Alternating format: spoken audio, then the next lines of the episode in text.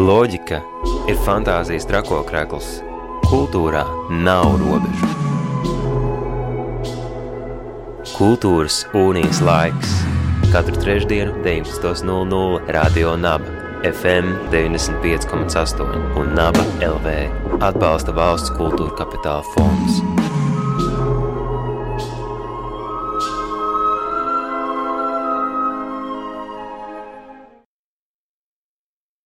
Radio Naba ēterā raidījums skolu.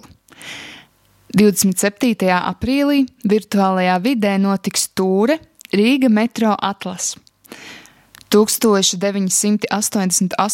gada 27. aprīlī padomju Latvijā norisinājās protests, kas pulcēja desmit tūkstoši cilvēku un norisinājās Arkādijas parkā. Demonstrācijas bija vērstas pret plāniem Rīgā izbūvēt metro. Šī virtuālā tūre, par ko šodien runāsim, zīmīgajā datumā 27. aprīlī vēstīs par vienīgās Rīgā plānotās metro līnijas vēsturi. Un par to es sarunāšos ar Mārtiņu Eņģeli, kurš ir pilsētu pētnieks, internetu žurnāla Kapitāla R veidotājs, kā arī e, laiku pa laikam iepazīstina mūs ar Rīgu no neikdienišķiem skatu punktiem, vadot e, ekskursijās, kā arī organizējot virtuālas tūres internetā. Sveiks, Mārtiņ!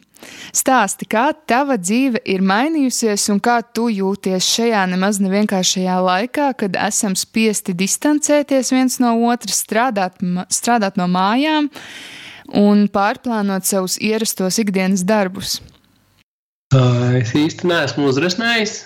Tā laikam ir laba ziņa. Daudziem cilvēkiem tā varētu būt problēma pēc mēneša vai diviem. Bet um, man iet īstenībā labi. Protams, ir vairāki darbi, kas man ir atcelti, un, un es esmu būtībā nokritis uz apmēram 50% kapacitāti. Un, un, un droši, droši vien jau tas lēnām atgriezīsies, bet nu, jau daudziem ir vēl sliktāk. Bet uh, Es īsti, īsti neizbaudu tādu kaut kādu citādāku sajūtu. Protams, ir emocionāls kaut kāds eh, sloks, ir, ir kaut kāda mm, tā, tā likumiskā ierobežošana, bet, bet es esmu būtībā ļoti daudz strādājis no mājām pirms tam, un, un daudz strādājis viens uh, pirms tam. Un šis laiks nu, ir bijis vairāk pa mājām. Bet neatšķirās ne ar ko, kā es, piemēram, būtu strādājis pirms trīs mēnešiem ziemā. Nav jau tā, ka tu sēdi tikai rokas klēpī salicis un mēģini neuzrasnēt. Jau kādu laiku atpakaļ tu esi izveidojis platformu ar nosaukumu Kapitāla Rīga. E, pastāsti, kas šī ir par platformu, ko mēs tajā varam uzzināt un pieredzēt, kas ir tās saturs. Es viņu saucu par Kapitāla R. Mm, tas tāds ļoti, ļoti labi latviski izklausās, bet platformas būtība pašā, pašā sākumā bija stāstīt patiesus, uh, autentiskus, atmosfēriskus stāstus par Rīgu, kāda tā ir, kāda mums te ir dzīve, kāda ir vēsture, tagadne, varbūt nākotne, angļu valodā. Būtībā tiem pašiem cilvēkiem, kas esmu es. Un, uh, tas viss radās īstenībā jau vairākus gadus atpakaļ. Es nezināju, kā to risināt. Un tad 2018. gada vasarā nonāca pie klikšķa, ka tas tiešām atkal varētu būt bloks, jo es kādreiz daudz blogoju. Kāds desmit gadus, varbūt mazāk, un tad pieliku blogam punktu, teicu, ka viņš sevi izsmēlis. Un tad man bija kaut kāda piecu gadu pauze, varbūt čet, četru gadu pauze, un es neko nerakstīju. Kādreiz ļoti daudz rakstīju par kultūru, par teātri, par, par koncertiem, par, par pilsētvidi nedaudz. Un, un tad es atgriezos pie tā slēdziena, ka kaut kas tāds ir vajadzīgs, jo tad, kad man gribas pastāstīt par kaut kādām aktuālām tēmām, ārzemniekiem, kas varbūt ir manu tūru apmeklētāji, jo gribat zināt, vai negribat zināt, es vadu arī ekskursijas Rīgā, veicu dažādas projekts pilsētvidē, dažādas ekspedīcijas profesionāļiem, arhitektiem, mākslas profesionāļiem, um, pilsētu pētniekiem un, un, un, un urbānistiem. Un, protams, gribas kaut kādu konkrētu tēmu ietvert vārdos un ielikt konkrētā tekstā, lai man pēc tam vienkārši nav jāatstāsta. Es varu tiem cilvēkiem aizsūtīt linku, reku šādu situāciju, vai reku lūk, šāds atstāsts, un viņi var iepazīties un iesties. Un es saprotu, ka Rīgā īsti tāda resursa nav. Mums ir, protams, oficiālā ziņas LSM, kuras stāsta par pasaules svarīgiem tematiem, bet nav īsti nekāda tāda mm, resursu materiāla angļu valodā par to, kāda ir tā dzīve Rīgā, par tām apkaimēm, par tiem cilvēkiem, par to arhitektūru, par tiem kokiem vai par viņu nesamību. Jo Rīgā jau dzīvo ļoti daudz ārzemju studentu.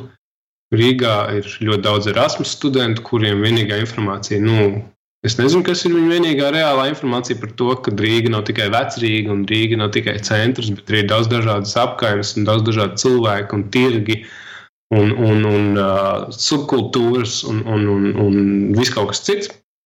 Un, protams, ļoti daudz turistu, kuri brauc, ņem visādas brīvtūras, pusdienās, pēcpusdienās braukā ar velospēdiem, ņem, ņem dažādas vai pērk dažādas pakalpojumus. Tad, tagad šis ir beidzies, viņiem gribas kaut ko palasīt vairāk par to, kāda ir Rīga, un izrādās, ka nu, jā, viss ir tās ļoti sankcionēts. Un tad es nolēmu radīt blogu Capital R, jeb Kapitāla Rīga, kā tu jau iepriekš teici, jeb Lielā Rīga, jeb galvaspilsētas Rīga, lai lielais burts ir R. Nu, tas tāds ļoti interesants vārds. Viņš spēja kaut kā, tas, tas nosaukums spēja apspēlēt to, kas ir tas bloks.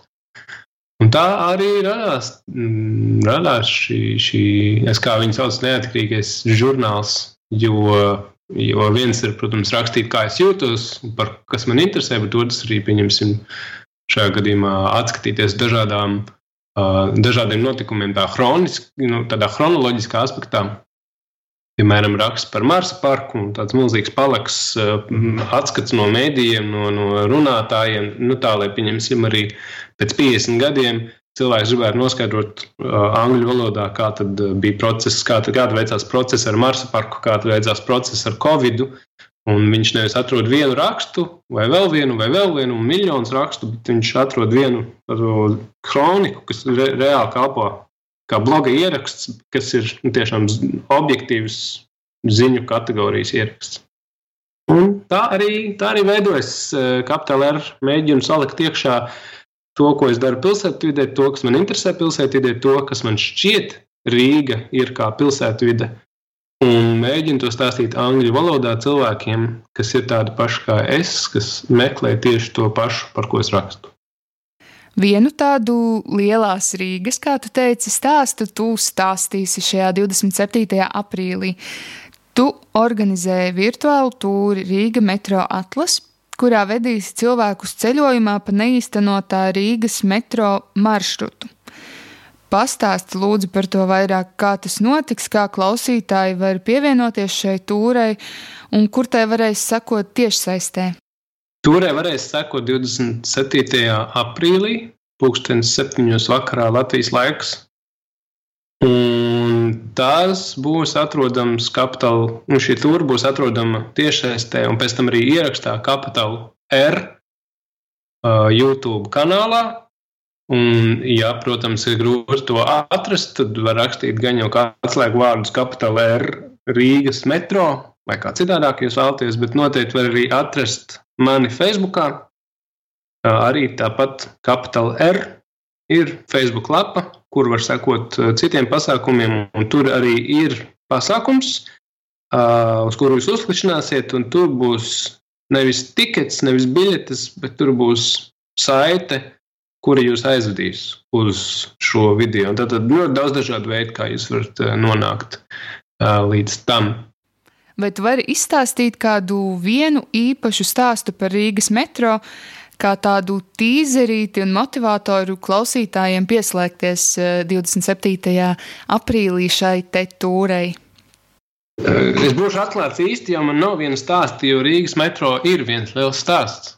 Rīgas metro ir tēma, kur es esmu jājis jau uh, sešus, septiņus gadus, un, un šobrīd ir reāli arī radies manuskripts, kas nu, jau dodas uz kultūra kapitāla fondu, lai visticamāk nesaņemtu savu finansējumu, kāds notiek realitātē ļoti daudziem labiem projektiem.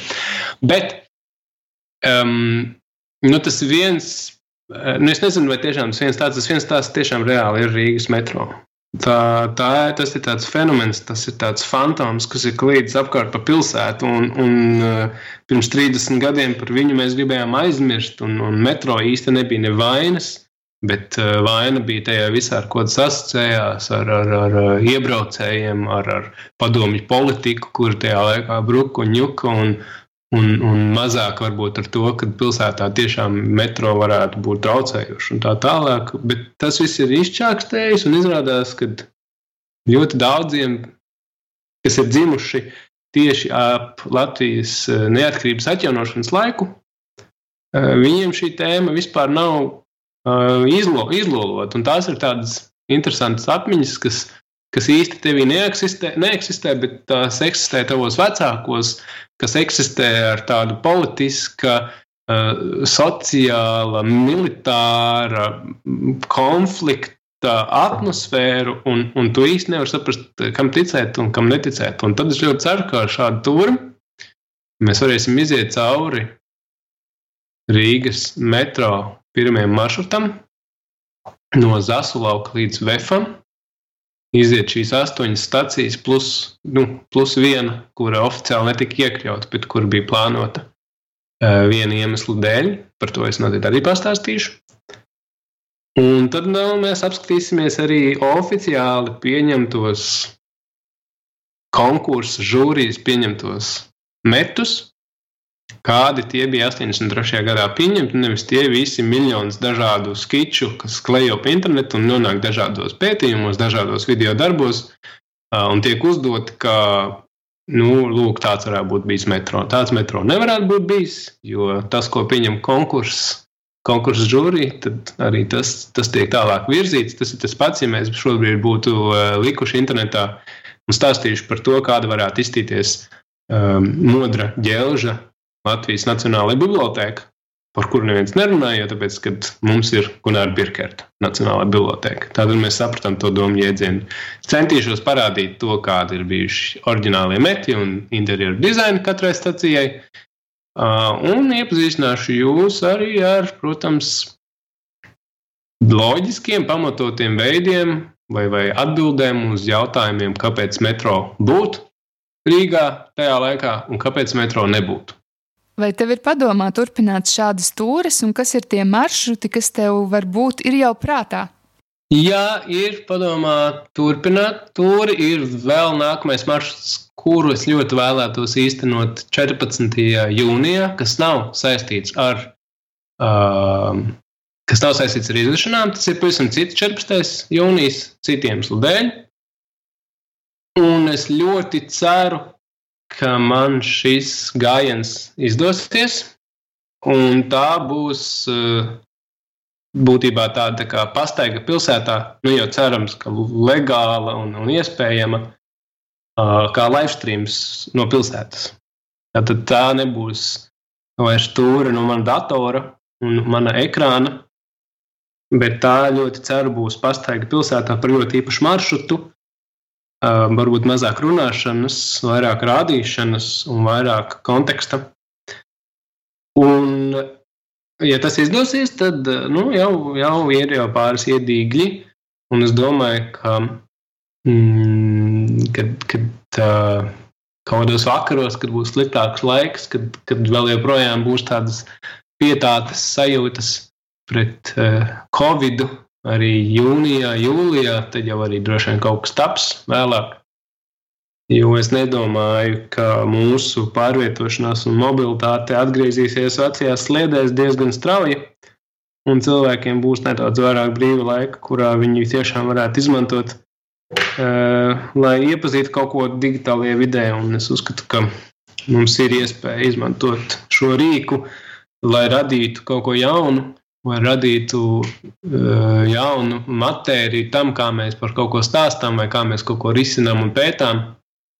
Jo šobrīd, protams, nu, mēs saprotam, ka mēs esam iestrēguši tādā nu, arī es droši vien savā ziņā esmu iestrēguši tādā mm, replikācijā, ka mēs runājam par brīnišķīgiem saziņas, saziņas portāliem un aplikācijām, čatojam uh, online un esam tik laimīgi, bet tas jau tas pats čats vien ir. Un mēs, uh, mēs darām Mēs taisām tulkitus kaut kādas uh, bibliotēkas, kur mēs varam parādīt ļoti labus piemērus par to, kā strādāt pilsētā, bet uh, tā jau tā pati bibliotēka vien ir. Tad es ļoti ceru, ka, ka, ka šī, šīs digitālās atklāsmes uh, padarīs mūs tik ļoti garlaikotus, vai būtībā šie, šie digitālajie laiki padarīs mūs tik ļoti garlaikotus, un mēs varēsim atklāt kaut kādus jaunus rīkus, kā stāstīt par dzīvi vai radīt kaut ko dzīvē tādu, kas eh, vēl nav bijis.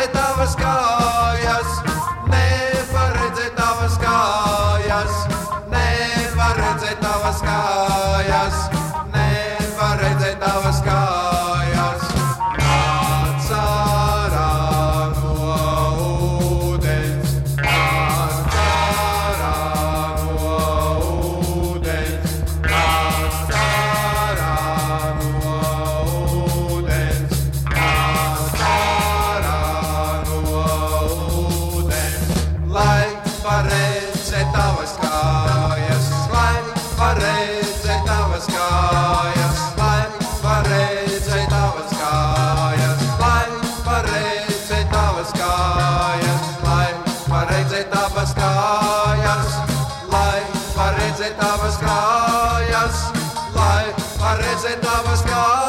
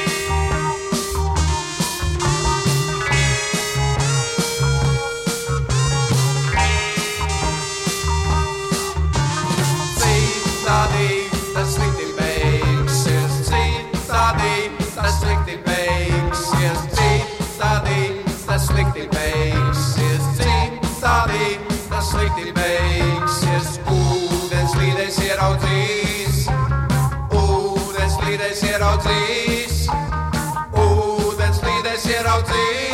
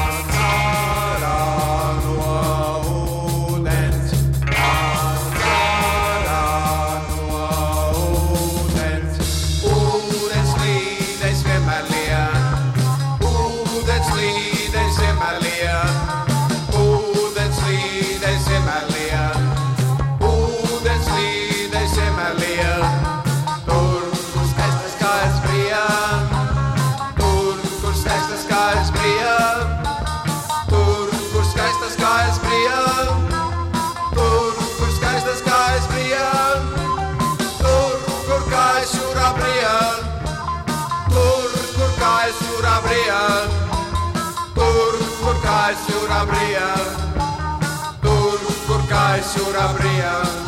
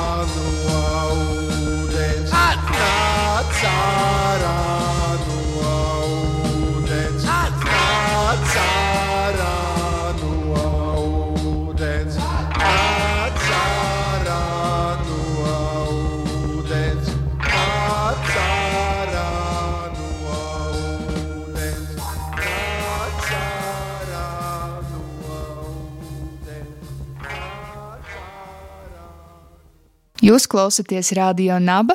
Šis ir raidījums Kūl.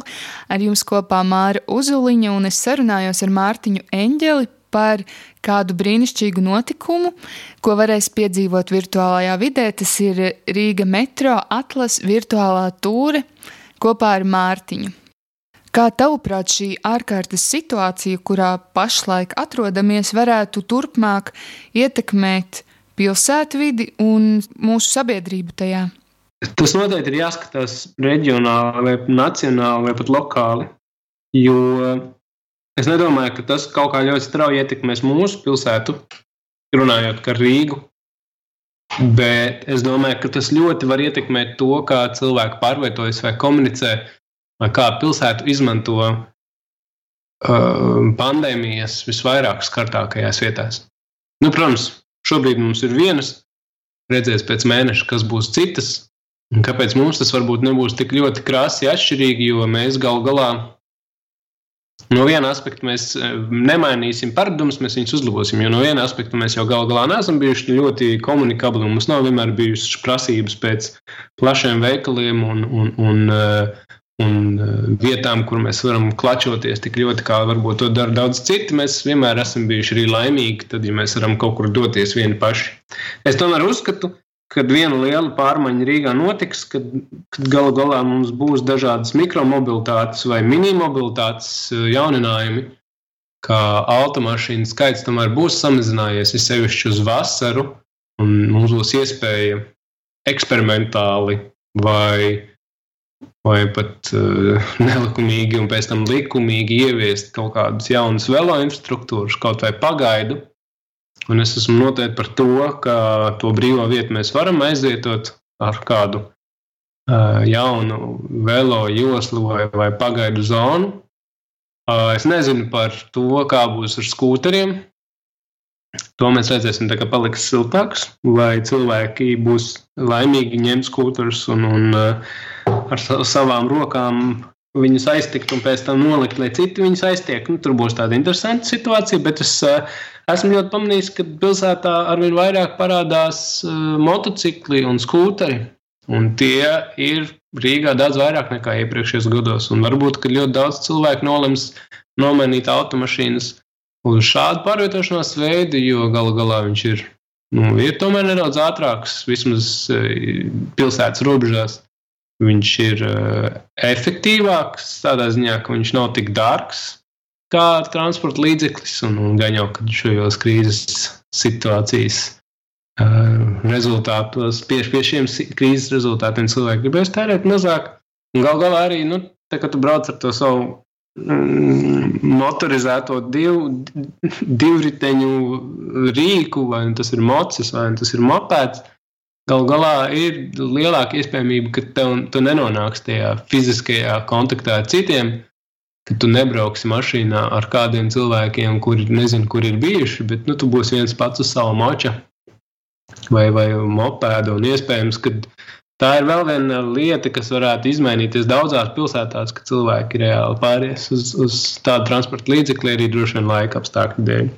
Bet globāli Noteikti varam runāt tikai un vienīgi par kaut ko lokālu un apskatīt katru pilsētu atsevišķi, skatoties no tā, cik ļoti viņa ir cietusi un cik ļoti viņa ir bijusi attīstīta pirms tam. Nu, es domāju, ka Kopenhāgenā nekas strauji nemainīsies. Ja Kopenhāgenā ir kaut kādi jau veselības principi, pēc kā strādā pilsēta. Nu, es domāju, ka veikalos būs noteikti dezinfekcijas līdzekļi jau šobrīd norma. Tāpat kā veikalos var norēķināties ar karti, tad tā būs arī būtībā vēl viena funkcija, ko veikals sniedz, ir dezinfekcija. Jo tas ir viņa paša interesēs. Es domāju, ka tas būs, tas būs kaut kas tāds, kas paliks reāli, un mēs varam jau sākt pierast veikalos, um, sprejot sev uz rokām kaut ko. Uh, mēs ļoti daudz valstis šobrīd būtībā dabūjam pa purnu par to, ka viņi ir dzīvojuši bez kontaktā vai īstenībā kontaktā maksājumos Viņi ir dzīvojuši skaidrā maksājumos. Un tāda valsts kā Vācija, viņiem tagad vienkārši ir, mm. viņiem ir reāls mindfucks par to, ka tagad, ir, mēs tagad nevaram maksāt skaidrā. Ja, tev ir jāmaksā ar karti, tev ir jāmaksā ar kontaktu vai bezkontaktu, vienalga kādu maksājumu vai digitāli. Viņi vienkārši viņiem daudzām, daudzām kopienām Vācijā ir vienkārši nesaprotami tas, jo jo nauda ir netīra. Nauda ir īstenībā diezgan bīstama. Bet tad, protams, ir daudzi, kuriem saka, nu, jā, mēs tagad barojam bankas un tā tālāk. Bet, kā jau saku, nauda jau ir netīra nu, jebkur. Bet tas, kas mainās, ir, ka no tavas kartes maksājuma ir liela iespējamība, ka neviens nenomirs. Vai neviens neinficēsies, vai neviens nesaslims. Un tas dod tādu labāku sajūtu par to, ka tavs maksājums gal galā ir drošāks pasaulē vai vērojot notikumus virtuālajā vidē, skatoties ziņas, eh, vai vērojot pilsētu, ir kas tāds, kas tevi ir pārsteidzis vai kas tevi uztrauc? Ja šobrīd vēroju statistiku, kā, kā, mainās, eh, kā mainās statistika globāli un kā mums iet ar to covid vīrusu, un, protams, mēs nedaudz uzvedamies kā tādi provinciāļi, bet globāli es esmu patīkami pārsteigts ar to, ka Kas to zina, vai nu mūsu ātrās ieviešanas dēļ, vai nu mūsu mentalitātes dēļ, mums ir diezgan veiksmīgi izdevies tikt pāri vismaz pirmajam Covid vilnim. Un, un tas, tas, tā kā, tas tā kā ir tā pozitīvi. Un vēl nedaudz teikšu, skumji ir, ka ir ļoti daudz jomas, kas līdz šim ir ignorējuši digitālo vidi, un šobrīd ļoti veiksmīgi pierādījies tas, ka ignorēt digitālo vidi ir tieši tas pats, kas ignorēt uh, pirms 300 gadiem grāmatu, vai tas ir tas pats, kas ignorēt pirms uh, eh, 50 gadiem lidmašīnu. Ja tu gribi kaut ko izdarīt un gribi kaut ko panākt, un būtībā tas ir rīks, kuru mēs izmantojam, un ja cilvēks to uztver kā apgrūtinājumu vai kā draudu, tad tā iespējams ir viņa dzīves problēma, nevis uh, šī rīka problēma. Un viena no jomām, kas nedaudz īstenībā pat ir pilnīgi nesagatavota, bet es arī pamatotu, kāpēc ir, ir kultūrālā plānošana, kura šobrīd strādāja projektā ar nosaukumu Urb Cultural Planning. Un situācijā, kad es uzdodu jautājumu, vai mums ir kaut kādi kaut bijušas kaut kādas diskusijas par to, kā plānot kultūrāli pilsētu digitālajā vai online vidē, pat lielie dižgari, kas šo ir pētījuši jau post, postkara pasaulē, jau, jau 50, 60 gados, sākuši 70 gados, viņi nevar atbildēt, jo viņi īsti vienmēr ir paļāvušies tikai to, ka kultūrālā plānošana notiek, kā es varbūt saku, off the keyboard, kā daudz to saka, ka notiek kaut kur um, ārā laukā, mēs plānojam uh, aci pret aci taustāmajā formātā, fiziskajā vidē. Būtībā tas vispār nav plānots, tas vispār nav nekad par to nav diskutēts, un visas diskusijas ir būtībā nocirstas saknē, un, un, uh, un tas viss tiek apgāsts mirklī, kad uh, tīšgari saka, vai, vai šie, šie cēlonlauži saka, ka, ka kultūrālā plānošana var notikt tikai un vienīgi pilsētvidē. Un, un tad, tad tu saproti, ka kultūrālā plānošana šobrīd ir iestrēgusi uz vairākiem mēnešiem, un nekas pilsētā nevar notikt, jo mēs nevaram iet komunicēt, mēs nevaram nevienu tikties, mēs nevaram uh, runāt ar sabiedrību. tā, kā mēs vēlamies, veidot diskusiju tā, kā mēs vēlamies, jo viss ir fiziskā distancēšanās. Protams, mēs varam taisīt arī dažādas Skype kolus un, un visus pārējos, bet es nezinu, vai to Skype kolā varēs iesadabūt visus tos savus, savus auditorijas, ar kurām tu vēlēsies strādāt, ar pensionāriem, ar bērniem, ar, ar maznodrošinātiem, ar, ar vietējiem, kas pilsētu lieto un kas nesēž internetā un negaida, kad viņiem atsūtīs aptauju.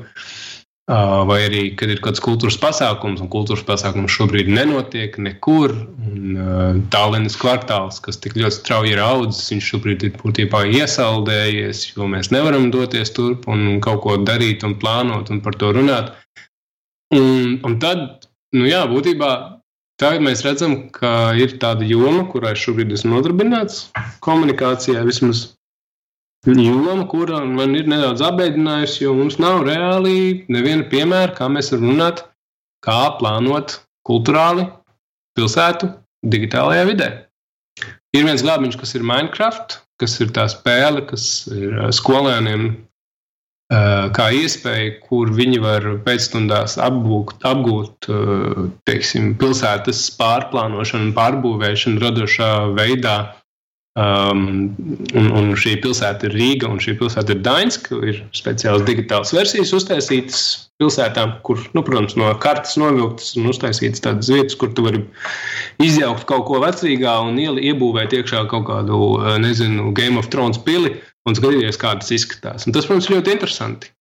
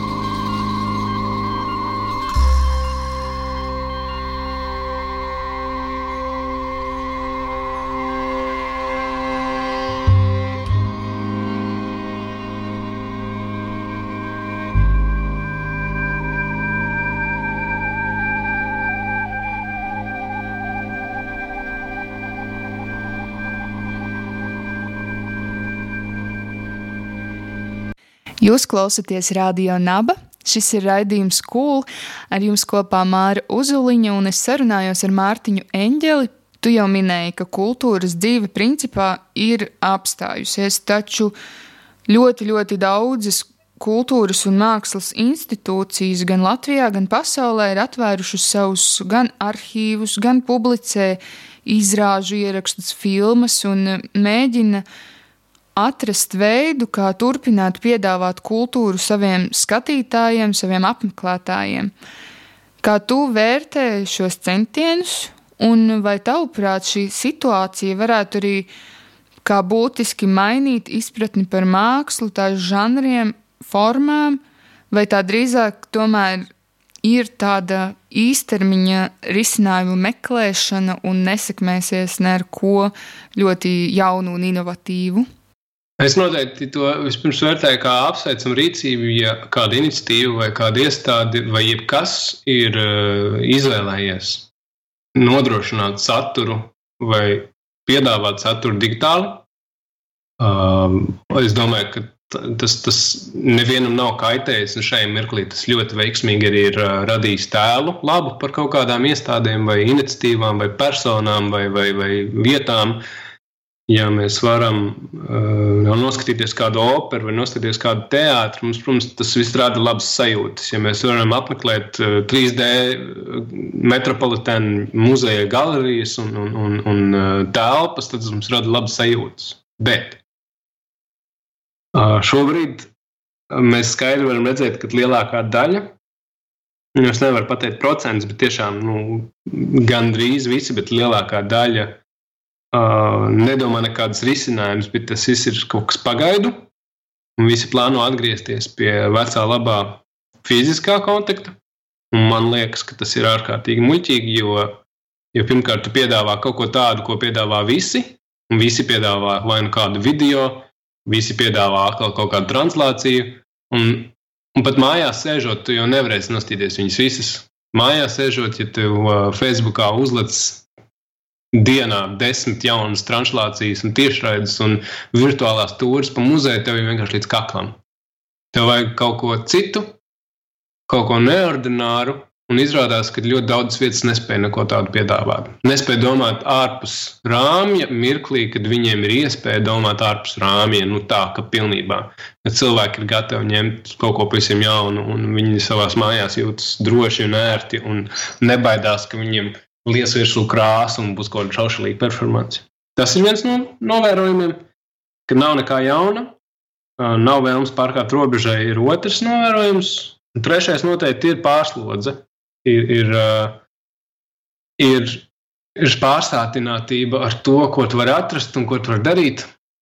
Un arī Capital R mēs sagatavojām desmit lietas, ko var darīt internetā. Protams, viņi saistās ar tikai un vienīgi to, kas ir radies Covid iespējā. Un tur mēs neliekam virtuālās stūres no visādiem muzejiem, kur tur ir bijuši pirms simts gadiem, bet pieņemsim, mēs ievietojām ar tādu, protams, nedaudz skumju sajūtu, tādu īpatnēju sajūtu mēs ievietojām Mālera 5. simfonijas atskaņošanu, kas notika dienu pēc ārkārtas situācijas paziņošanas. Un viņi tukšai zālē spēlē koncertu, kuru būtu jāspēlē pilnai zālē. Un mēs kapitālā arī mēģinām atrast šādus notikumus, kādas filmas, kuras ir parādījušās online tikai tāpēc, ka ir covid un neviens neiet uz kinoteātri kāda virtuāla izstāde, kas notiek, vai virtuāla, virtuāls notikums, kas notiek tikai šī notikuma dēļ. Bet es domāju, ka ļoti daudz, ļoti daudz muzeju, ļoti daudz galeriju varētu atrast jaunus dažādus veidus, kā, kā, kā stāstīt to, ko viņi stāsta. Un, un attiekt no tā, ka tu nostājies un stāsti par gleznu, un, un mēs jau redzam, lūk, piemērs tam, ka īsti mūsdienās ar stāstu par gleznu nepietiek, ka tur ir vajadzīgs kaut kas cits, vajadzīgi jauni veidi, kā tu vari veidot mākslas izglītību. Un ļoti daudz šobrīd, nu jā, vai nu nav naudas, tas ir viens, otrs vai nu vienkārši loks, rokas nolaists, jo ir citas lietas jārisina, primāras lietas jārisina, jāpērk ir makaroni un, un, un grīķi un tolas papīri. Es, protams, trivializēju. Bet otrs, uh, jā, kaut kā mēs visu laiku esam nenovērtējuši to digitālo vidi. Un tad, kad viņi mums ir tagad uzbrukusi, mēs šobrīd esam tādā tā kā, kā, kā mīt teikt, tādā uh, pusnomodā. Tā kā tu neesi īsti piecēlies un gatavs kaut ko mainīt, un tu, esi, tu gribētos atgriezties tajā. Uh, tajā miedziņā un, un laipni arī aizmigt, bet nu, tādā nelabuma sajūtā pa vidu. Un, un redzēsim, kurš no tā izlīdīs. Man liekas, ka viens ļoti labs, skaists projekts, kas uh, translē to, kas ir noticis reālajā dzīvē, bet piešķir tam kaut ko jaunu, tiešām tikai digitālajai videi uh, raksturīga, ir Taņas dzimšanas diena, kas ir jāatrod Sils teātris. Viņa izrādi, viņa, protams, nu, pārlikuši izrādi uz internetu savā ziņā video. Uh, Bet video čats ievieš savas prasības, savus, savus formātus un, un, un izrāda kļūst. Viņa kļūst citādāka. Viņa reāli atspoguļo tiešām. Tu vari runāt par uh, Taņas dzimšanas dienu mēra laikā, jā, vai Taņas dzimšanas dienu Covid laikā. Un tas ir kaut kas pavisam cits. Sarunas noslēgumā gribu tev palūgt trīs ieteikumus mūsu klausītājiem, kas varētu pilnveidot un padarīt saturīgāku, piepildītāku laiku šajā krīzes situācijā. Kas ir tie trīs tavi ieteikumi? Eh, nu, pirmkārt, es noteikti ieteiktu aiziet apmeklēt Capital blogu. Un tur varbūt ir kaut kas tāds, kas jums liekas interesants. Pirmais, ko cilvēki varētu izdarīt, ir, tas ir ļoti interesants novērojums, bet tas eh, pavērš visu šo tādā kaut kādā paradoxālā, tādā savādā uh, gultnē, ir prognozēt katras nākamās dienas Covid pozitīvo uh, saslimušo skaitu. Tas ir tas, ko cilvēki varētu darīt pirmkārt. Es pamanīju, ka internetā ir, ir vesela grupiņa, kas, kas katru dienu mēģina ierakstīt komentārā, cik nu būs nākamajā dienā. Un Tas savā ziņā izklausās šaušalīgi, bet no otras puses, ja mēs nespējam uztvert procesu, kas mūs sāpina, vai procesu, kas mūs apgrūtina, vai kas mums liek būt bēdīgiem, kaut kā caur humoru, tad man liekas, beigas ir klāta.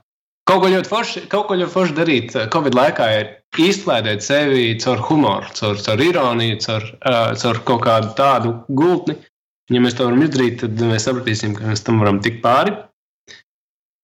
Tas ir otrais. Tātad pirmais ir kapitāla, otrais ir humors.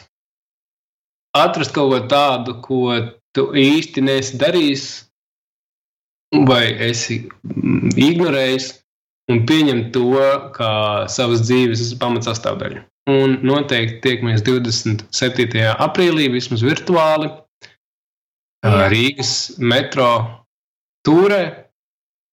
Un tad jau droši vien ļoti cerams arī kaut kad ielās. Šis bija raidījums Kūl. Ar jums kopā bija Māra Uzuliņa. Es sarunājos ar pilsētu pētnieku Mārtiņu Eņģeli. Runājām par Lielo Rīgu, par virtuālo tūri, ko Mārtiņš organizē un kurā jūs varat piedalīties, meklējot informāciju eh, mājaslapā kapitālrīga.eu vai Facebookā kā arī novēlu jums pavadīt mierīgi šo laiku, būt uh, drošībā, būt atbildīgiem vienam pret otru un uz tikšanos jau kādā citā raidījumā.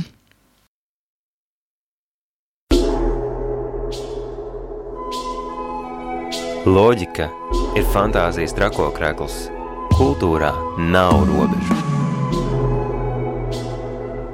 Kultūras un-īs laiks katru trešdienu, 19.00 Radio Naba, FM 95,8 un Naba LV atbalsta valsts kultūra kapitāla fonds.